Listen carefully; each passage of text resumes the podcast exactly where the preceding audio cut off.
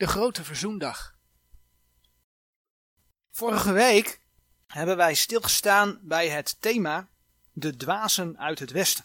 En hebben we gekeken wat de zoektocht van de mensheid naar buitenaards leven te maken heeft met de komst van de antichrist. De drie zondagen daarvoor hebben we aan de hand van het overkoepelende thema toewijding gezien wat de offers onder de wet ons in deze tijd laten zien. We zagen dat uh, deze offers vooruitwijzen naar het volkomen offer dat de Heer Jezus toen nog zou gaan brengen. We zagen ook de parallellen tussen de, deze offers en de geestelijke offers die de Heer vandaag de dag voor, van ons vraagt. Die de Heer ja, van jou als kind van God vraagt. En we hebben gezien dat het allemaal te maken heeft met de vraag: is je leven aan de Heer toegewijd? En we zagen dat door toewijding aan de Heer, door de geestelijke offeranden op te offeren, dat je loon en kroon in de eeuwigheid ontvangt. We hebben gezien dat de, de Heer laat zien in zijn woord dat je daarmee grijpt naar het eeuwige leven. Wat betekent dat je een schat weglegt. Niet hier op aarde, maar in de hemel. Dat je een schat weglegt wat een goed fundament is voor de toekomst. Je vergadert, zegt de Heer, vrucht ten eeuwige leven. Vanmorgen gaan die twee boodschappen min of meer een beetje samenkomen. Want we gaan nog één ochtend verder, nog één uur verder met, met de offers van het Oude Testament. En dat aan de hand van de grote verzoendag. En we zullen zien hoe ook de boodschap van ja, de aliens, zeg maar, daarin in doorwerkt. We gaan bij die grote verzoendag stilstaan, omdat het een hele mooie profetische heenwijs is naar wat de Heer Jezus ja, voor je gedaan heeft. En tevens is deze boodschap opnieuw een bewijs dat de nieuwe vertalingen die vanaf 1880 naar Christus verschijnen, dat dat vervalsingen zijn. Vervalsingen die stapsgewijs iedere keer mensen meer Gods woorden afhandig maken. En we zullen zien opnieuw een bewijs dat de Heer zijn woorden in de Statenbijbel bewaard heeft. Nou, die grote verzoendag, dat was een jaarlijks terugkerend feest. Door de Heer ingesteld in het Oude Testament onder de wet voor het Joodse volk. De hoge priester bracht dan offers om voor zijn eigen zonde en voor de zonde van het volk verzoening te doen.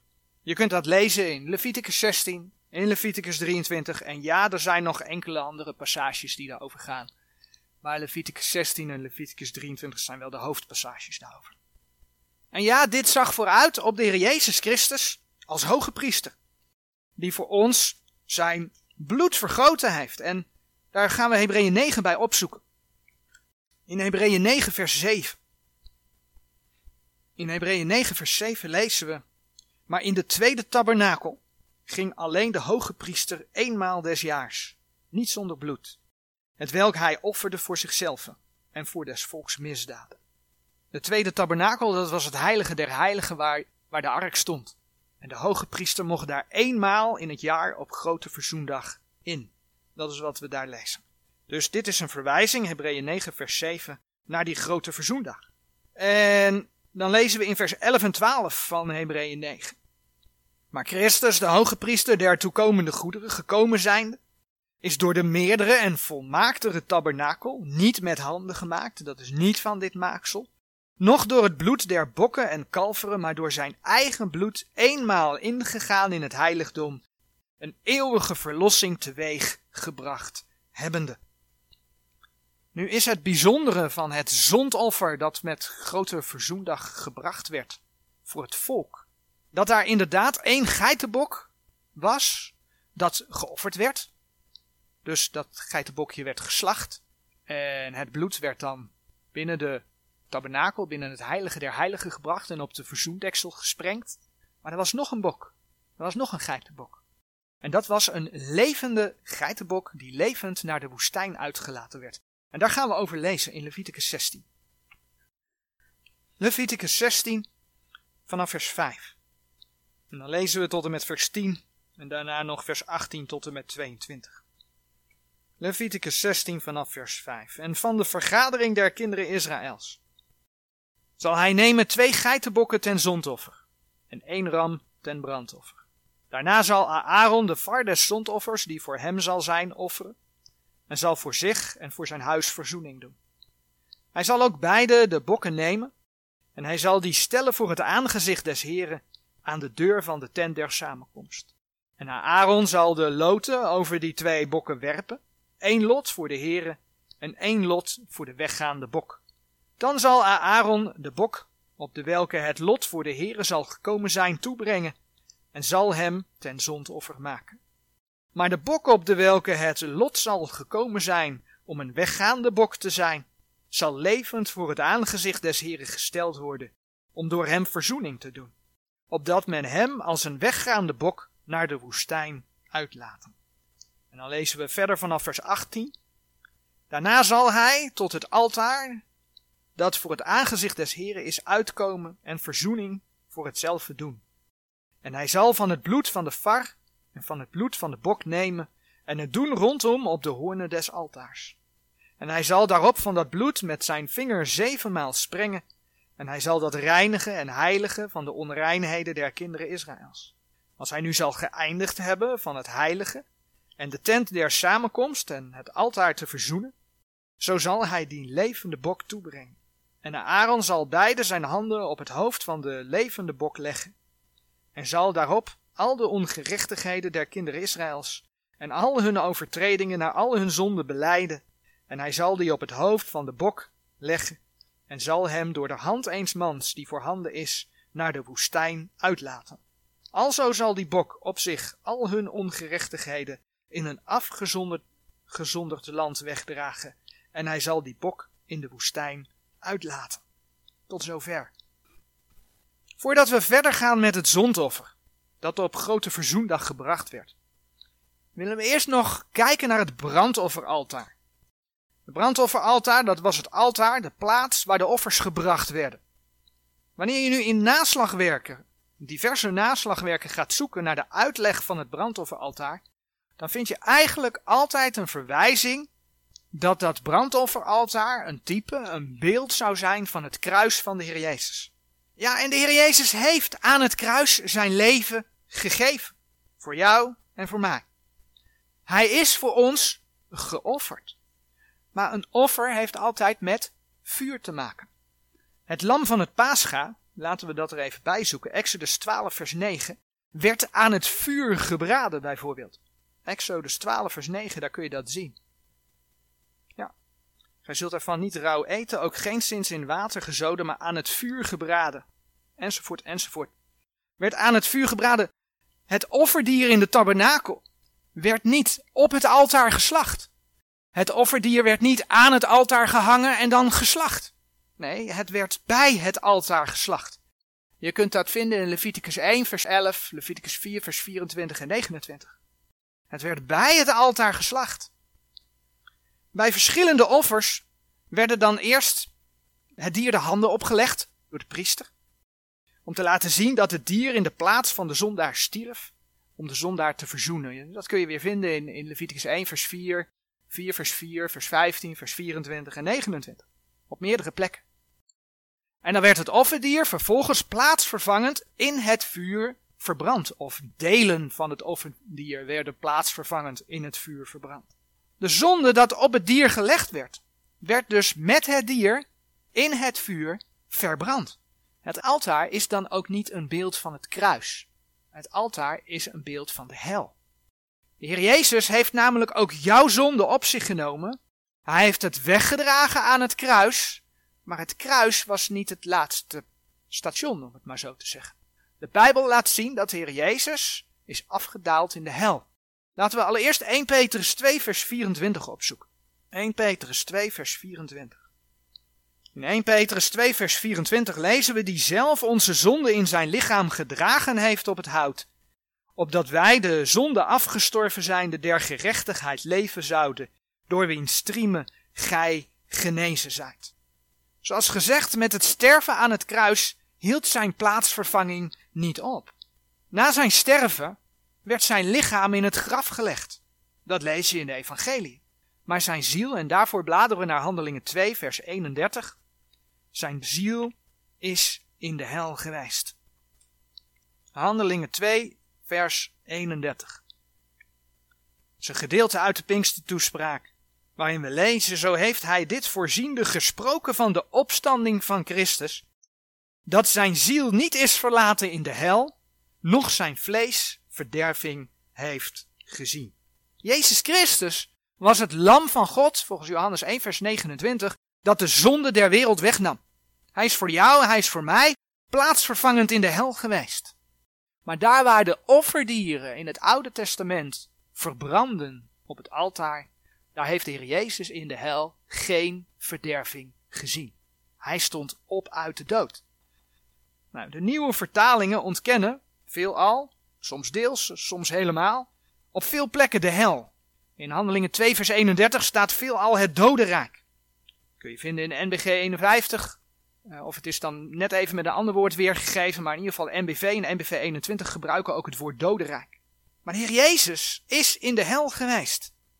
Hij is niet alleen gestorven, hij heeft niet alleen zijn bloed vergoten, maar hij heeft je zonde gebracht in het vuur. Precies zoals bij het altaar onder de wet gebeurde. En zo zien we hoe vertalers en theologen het woordje hel proberen te ontkennen, terwijl de Bijbel zichzelf verklaart. Want de Bijbel laat zien dat de zonde op het offerdier gelegd werd en dat werd verbrand in het vuur. Dat is het Bijbelse beeld. Dat heeft met de hel te maken. Dat wordt gewoon weggehaald. Aan, aan de context, aan het Bijbelse geheel zie je dat het niet klopt. Theologen, vertalers halen het eruit, maar de Bijbel verklaart zichzelf, de Bijbel legt zichzelf uit. Gods woord is gewoon de waarheid. Straks zien we een ander voorbeeld. Dan het zondoffer. Het zondoffer op de grote verzoendag. Het geitenbokje dat geslacht werd. Waarvan het bloed door de hoge priester op het verzoendeksel gesprengd werd. Kun je lezen in Leviticus 16 vers 15. En waarvan de te offeren delen van het zondoffer waren dat de vette delen op het altaar verbrand werd. Lees je in Leviticus 16 vers 25. Dat is het beeld van de Heer Jezus die stierf, die zijn bloed vergoot en de zonde van de mensen in de hel bracht. Maar wat is dan de betekenis van die levende geitenbok? Van die levende geitenbok dat naar de woestijn uitgelaten werd. Nou, in Leviticus 16, laten we daar nog twee versen uit lezen. Leviticus 16, vers 21 en 22 hebben we gelezen. Dat gaat over die bok. Leviticus 16, vers 21 en 22. En Aaron zal beide zijn handen op het hoofd van de levende bok leggen en zal daarop al de ongerechtigheden der kinderen Israëls en al hun overtredingen naar al hun zonden beleiden. En hij zal die op het hoofd van de bok leggen en zal hem door de hand eens mans die voorhanden is naar de woestijn uitlaten. Alzo zal die bok op zich al hun ongerechtigheden in een afgezonderd land wegdragen en hij zal die bok in de woestijn uitlaten. Die bok droeg de zonde dus letterlijk weg, naar de woestijn. Nou is de woestijn in de schrift vaak een beeld van een plek waar het kwade zich bevindt. Bijvoorbeeld de duivelen. Voorbeelden van teksten zijn eh, Jesaja 13 vers 21, Matthäus 12 vers 43 en Openbaring 18 vers 2. Laten we als voorbeeld Jesaja 13 vers 21 opzoeken. Jesaja 13 vers 21 zegt maar daar zullen nederliggen de wilde dieren der woestijnen en hun huizen zullen vervuld worden met schrikkelijke gedierten. En daar zullen de jonge struisen wonen en de duivelen zullen er huppelen. De woestijn is een beeld van datgene waar het kwade zich bevindt. En dat is wat de Heer Jezus voor jou en mij gedaan heeft. Hij is afgedaald ter helle. Nogmaals, 1 Petrus 2 vers 24. Die zelf onze zonde in zijn lichaam gedragen heeft op het hout, opdat wij de zonde afgestorven zijnde der gerechtigheid leven zouden, door wiens striemen gij genezen zijt. Dit gaat dus over het kruis. De Heer heeft onze zonde gedragen. Maar, zoals gezegd, zijn lichaam werd begraven, maar zijn ziel is levend naar de hel gegaan. We hebben Handelingen 2 vers 31 gelezen, maar Handelingen 2 vers 27. In de context daarvan zegt hetzelfde, nagenoeg hetzelfde. Handelingen 2 vers 27. Want gij zult mijn ziel in de hel niet verlaten, nog zult uw heilige overgeven om verderving te zien. Dat is wat de Heer laat zien. En daar hebben we dan het beeld van de levende geitenbok die in de woestijn is gestuurd. De Heer Jezus stond namelijk weer op uit de dood, waardoor hij bij zijn wederkomst eenmaal zonder zonde gezien zal worden. En dat lezen we dan in Hebreeën 9 vers 28. Hebreeën 9, vers 28. Al zal Christus eenmaal geofferd zijn om vele zonden weg te nemen, zal ten andere malen zonder zonde gezien worden van degene die hem verwachten tot zaligheid. Hij heeft die zonde op zich genomen, hij heeft die zonde weggebracht. Die zonden zijn verbrand in de hel. En hij zal ten andere malen zonder zonde gezien worden van degene die hem verwachten tot zaligheid. Zowel de Statenbijbel als de King James spreken over de weggaande bok. In Leviticus 16 vers 8, we lezen het vers nog een keer. Leviticus 16 vers 8, daar staat geschreven. En Aaron zal de loten over die twee bokken werpen, één lot voor de heren en één lot voor de weggaande bok. Maar veel nieuwe vertalingen, dan lezen we wat anders. In veel nieuwe vertalingen staat er opeens een naam. Azazel. Kom je tegen in de MBG 51, in de MBV, in de BGT en in de MBV 21. En ik heb de nieuwste, de MBV 21, meegenomen. Je kunt in de Statenbijbel meelezen, maar in de MBV 21 staat in Leviticus 16 vers 8 het volgende. Moet hij door loting vaststellen welke bok bestemd is voor de Heer en welke voor Azazel? Uh, nog een keer. Vers 8 in de MBV 21. Moet hij door loting vaststellen welke bok bestemd is voor de Heer en welke voor Azazel. Nou, in de MBV Studiebijbel zit daar een toelichting bij. En die zal ik uh, voorlezen. De toelichting die men erbij geplaatst heeft is het volgende. En dat gaat dan over de woorden voor Azazel. Voor Azazel staat hier parallel aan voor JHWH. Daaruit blijkt dat Azazel een godheid, demon of macht is, die zoals Leviticus 16 vers 10 zegt, in de woestijn woont. Ik zal hem nog een keer voorlezen. Voor Azazel staat hier parallel aan voor JHWH. Daaruit blijkt dat Azazel een godheid, demon of macht is, die zoals Leviticus 16 vers 10 zegt, in de woestijn woont. Dat is het Nederlands Bijbelgenootschap in haar NWV studiebijbel. De BGT die gaat zover, de Bijbel in gewone taal, dat ze dat ook in de tekst van de Bijbel, ja, sorry, van de vertaling verwerkt hebben. Dat is natuurlijk geen Bijbel meer. En in de BGT, en ik, ik lees het even voor, daar hebben ze van dat vers gemaakt. Daar moet hij loten om te beslissen welke bok voor mij is en welke bok voor de god Azazel. Dat is de BGT. Die hebben dat dus, de uitleg die ze in de NBV studiebijbel hebben ze, hebben ze tot tekst gemaakt in de BGT. Maar dat suggereert dat er dus een andere god betrokken zou zijn bij de verzoening met God. Weet je, dat gaat in tegen de hele inhoud van dit hele boek.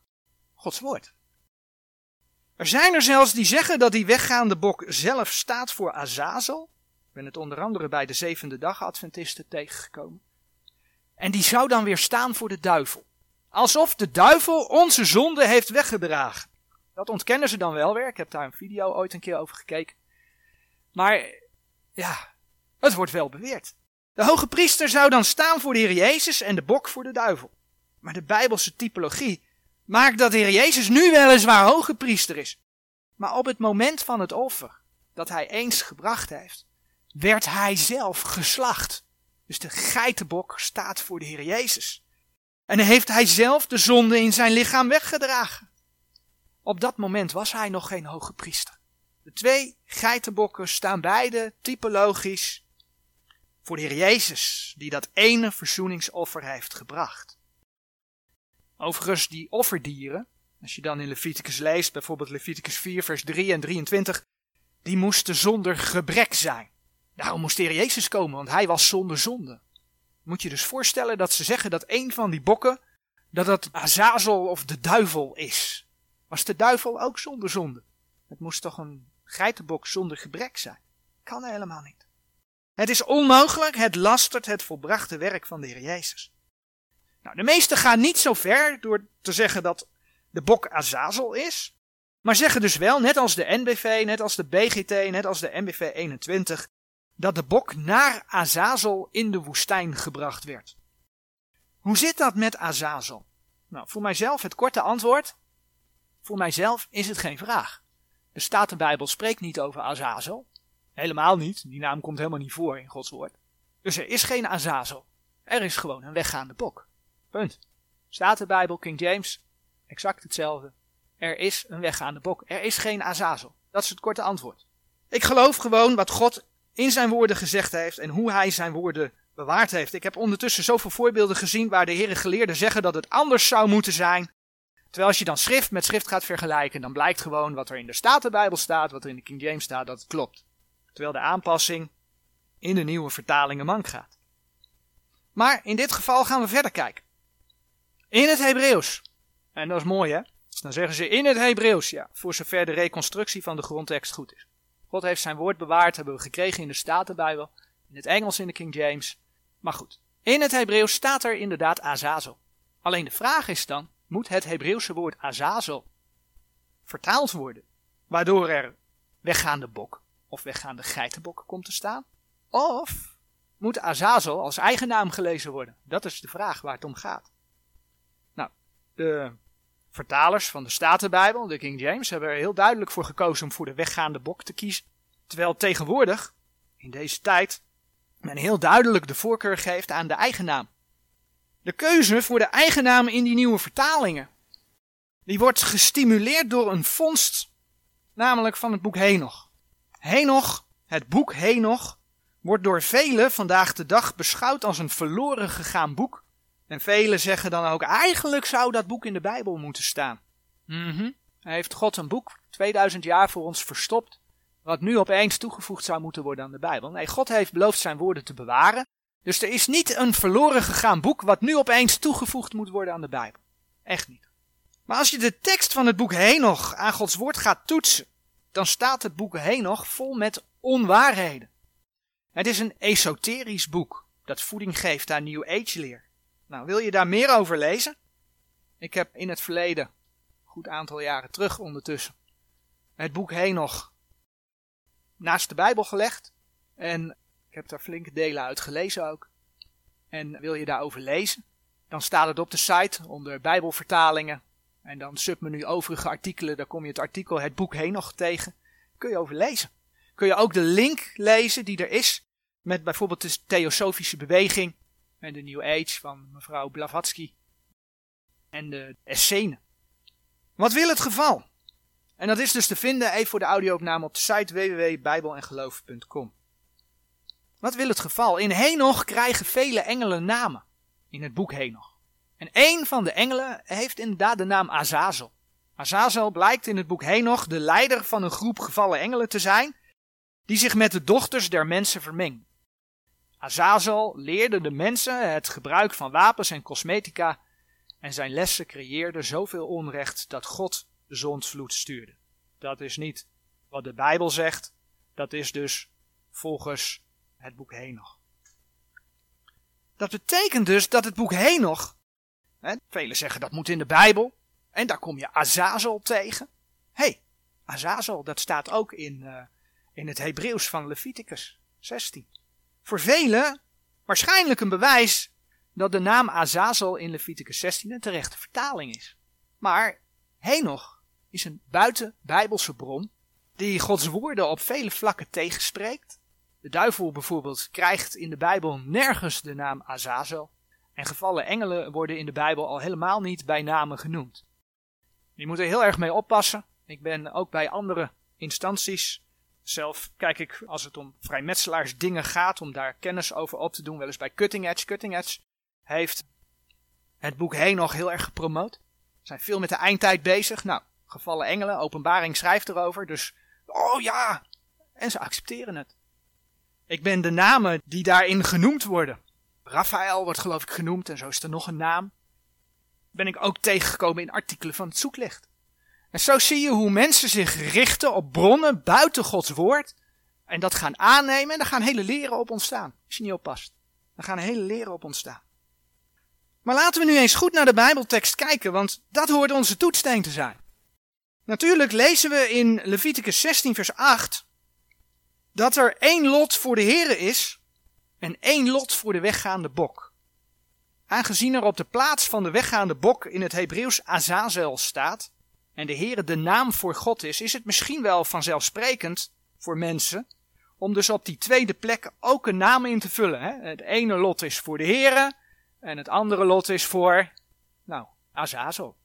Maar in Leviticus 16 vers 10 lezen we dat ook de weggaande bok Even kijken, Leviticus 16, vers 10. Zal levend voor het aangezicht des Heren gesteld worden om door hem verzoening te doen. En zal deze bok nu naar een andere God, hè, want hij moet verzoening doen, dat is de bedoeling ervan. Zal die bok nu naar een andere God, naar een boze geest of naar de duivel in de woestijn gestuurd worden? Het is toch geen offer voor een andere God? Het maakt notabene onderdeel uit van een offer voor de Heer. Maar als de woestijn staat voor de hel, dan kan Azazel niet eens de duivel zijn. Want dan klopt de beeldspraak niet. Waarom klopt de beeldspraak niet? Daar gaan we naar kijken. Johannes 14, vers 30. De beeldspraak van de Bijbel klopt wel, maar de beeldspraak dat als de woestijn de hel is, dat dan Azazel de duivel zal zijn, wat men ervan maakt, dat klopt niet. In Johannes 14, vers 30 lezen we het volgende. De Heer Jezus zegt daar, ik zal niet meer veel met u spreken, want de overste deze wereld komt en heeft aan mij niets. Hier kondigt de Heer Jezus in feite aan dat de overste der wereld, dat de duivel hem tegemoet zou komen, dat hij oog in oog met hem zou staan. Maar tegelijkertijd geeft de Heer Jezus aan dat de overste der wereld niets aan hem zou hebben. Dat hebben we in dat vers gelezen. Met andere woorden, de Heer Jezus die zou zijn opdracht op aarde gaan vervullen. Maar wanneer heeft de Heer Jezus oog in oog met de duivel gestaan? Wanneer was dat? Was dat voor zijn sterven of was dat na zijn sterven? Dat was voor zijn sterven. Dat was tijdens zijn lijden op zijn weg naar het kruis. In Jesaja 50 vinden we daar uh, mooie versen van. Jesaja 50 vanaf vers 6. Profetisch over de Heer Jezus. En dan moet je even bedenken, als je die versen leest, dat de Heer zelf heeft gezegd dat de overste deze wereld komt. En dan lezen we Jesaja 50 vers 6 tot en met 8. Ik geef mijn rug degene die mij slaan en mijn wangen degene die mij het haar uitplukken. Mijn aangezicht verberg ik niet voor smaadheden en speeksel. Want de Heere, Heere, help mij, daarom word ik niet te schande. Daarom heb ik mijn aangezicht gesteld als een keisteen, want ik weet dat ik niet zal beschaamd worden. Hij is nabij die mij rechtvaardigt. Wie zal met mij twisten? Laat ons tezamen staan. Wie heeft een rechtszaak tegen mij? Hij komen herwaarts tot mij. Hij komen herwaarts tot mij. Johannes 14, vers 30 zei de Heer Jezus, want de overste der wereld komt. Hij komen herwaarts tot mij. We beseffen wie een rechtszaak tegen de Heer Jezus had. Wie zijn tegenstander was, wie zijn tegenstander is, dat is de duivel. Het is de duivel die ervoor zorgde dat de Heer Jezus gekruisigd werd. Dat blijkt uit het feit dat als hij geweten had wat het kruis voor een effect had, dan had hij dat voorkomen, staat er in 1 Korinthe 2, vers 7 tot en met 8. Maar toen Heer Jezus die zonde op zich nam van ons, hij stierf aan het kruis en hij kwam in de hel, kwam hij toen de duivel tegen? Nee, want die duivel was nog niet in de hel. We hebben onlangs stilgestaan bij die vijfvoudige val van de Satan. En gezien dat de Satan pas in het duizendjarig vrederijk, openbaring 20 vers 2 en 3, voor duizend jaar in de afgrond gebonden wordt. En het is pas openbaring 20 vers 10, dat is na het duizendjarig vrederijk, laten we openbaring 20 vers 10 lezen, dat die Satan voor eeuwig in de poel des vuurs verdwijnt. Openbaring 20 vers 10. En de duivel die hen verleidde werd geworpen in de poel des vuurs en zilvers al waar het beest en de valse profeet zijn. En zij zullen gepijnigd worden dag en nacht in alle eeuwigheid. Met andere woorden, als Azazel staat voor de duivel, zoals sommigen beweren, dan klopt het niet wat er geschreven staat. Want Azazel in de woestijn zou dan staan voor de duivel in de hel. En de duivel is daar nog helemaal niet. Dus de beeldspraak gaat dan helemaal niet op. Oftewel, men doet maar wat met Azazel. Maar, in 1 Petrus 3 vers 18 tot en met 20 staat toch het volgende geschreven. 1 Petrus 3 vers 18 tot en met 20. Want Christus heeft ook eens voor de zonde geleden, hij rechtvaardig voor de onrechtvaardige, opdat hij ons tot God zou brengen, die wel is gedood in het vlees, maar levend gemaakt door de geest. In de welke hij ook heen gegaan zijnde, de geesten die in de gevangenis zijn gepredikt heeft, die eertijds ongehoorzaam waren wanneer de langmoedigheid Gods eenmaal verwachtte in de dagen van Noach. Als de ark toebereid werd, waarin weinige, dat is acht zielen behouden werden door het water ging de Heer dan toch naar Azazel, de leider van een groep gevallen engelen. We lezen namelijk dat de Heer wel degelijk in de gevangenis geweest is. Dat hij de geesten gepredikt heeft. En zoals we die versen lezen, heeft dat te maken met de engelen die ongehoorzaam waren en een mensenlichaam aannamen om zich met de mensen te vermengen. Daardoor stierven zij tijdens de zondvloed. Als je dan Psalm 82, vers 7 leest, dan lees je dat ze stierven als mensen, maar hun geest, volgens 2 Petrus 2, vers 4, laten we ook dat vers even lezen, wordt op een speciale plaats in de hel bewaard. Worden in een speciale plaats in de hel bewaard. 2 Petrus 2 vers 4. Want indien God de engelen die gezondigd hebben niet gespaard heeft, maar die in de hel geworpen hebben, de overgegeven heeft aan de ketenen der duisternis, om tot het oordeel bewaard te worden. Zij worden bewaard tot de dag van het oordeel. En blijkbaar heeft de Heer die geesten gepredikt. Oké, maar betekent het dat de Heer met dat doel naar de hel is gegaan? En dan ook nog speciaal naar Azazel, hè, de zogenaamde leider van die bende gegaan is. Op audiëntie, zeg maar. Nee, de Heer is, en dan begin ik met onderaan, op de tweede plaats, niet naar Azazel gezonden. Hij heeft de geesten, dat is meervoud. Hier staat MV achter, dat is niet man-vrouw. De Heer heeft de geesten gepredikt, dat is meervoud. Hij is niet naar Azazel gezonden. Hij heeft de geesten gepredikt. Maar op de eerste plaats was zijn doel helemaal niet om naar de geesten te gaan. Zijn allereerste doel was, en dat hebben we in Leviticus 16 gelezen, in het kader van Grote Verzoendag, het wegdragen van de zonde. En die zonde heeft hij niet naar de hel gebracht, zodat deze geesten zich daar eens even lekker konden verlustigen in al die zonden. Nee, want zij zitten daar gevangen aan ketenen. Dat hebben we net gelezen in 2 Petrus 2 vers 4. En die zonde, Denk aan die geitenbok die op dat altaar verbrand werd met die zonde. Die zonden worden in de hel verbrand. Maar die wezens verbranden niet. Openbaring 20 vers 10 zegt zij zullen gepijnigd worden dag en nacht in alle eeuwigheid.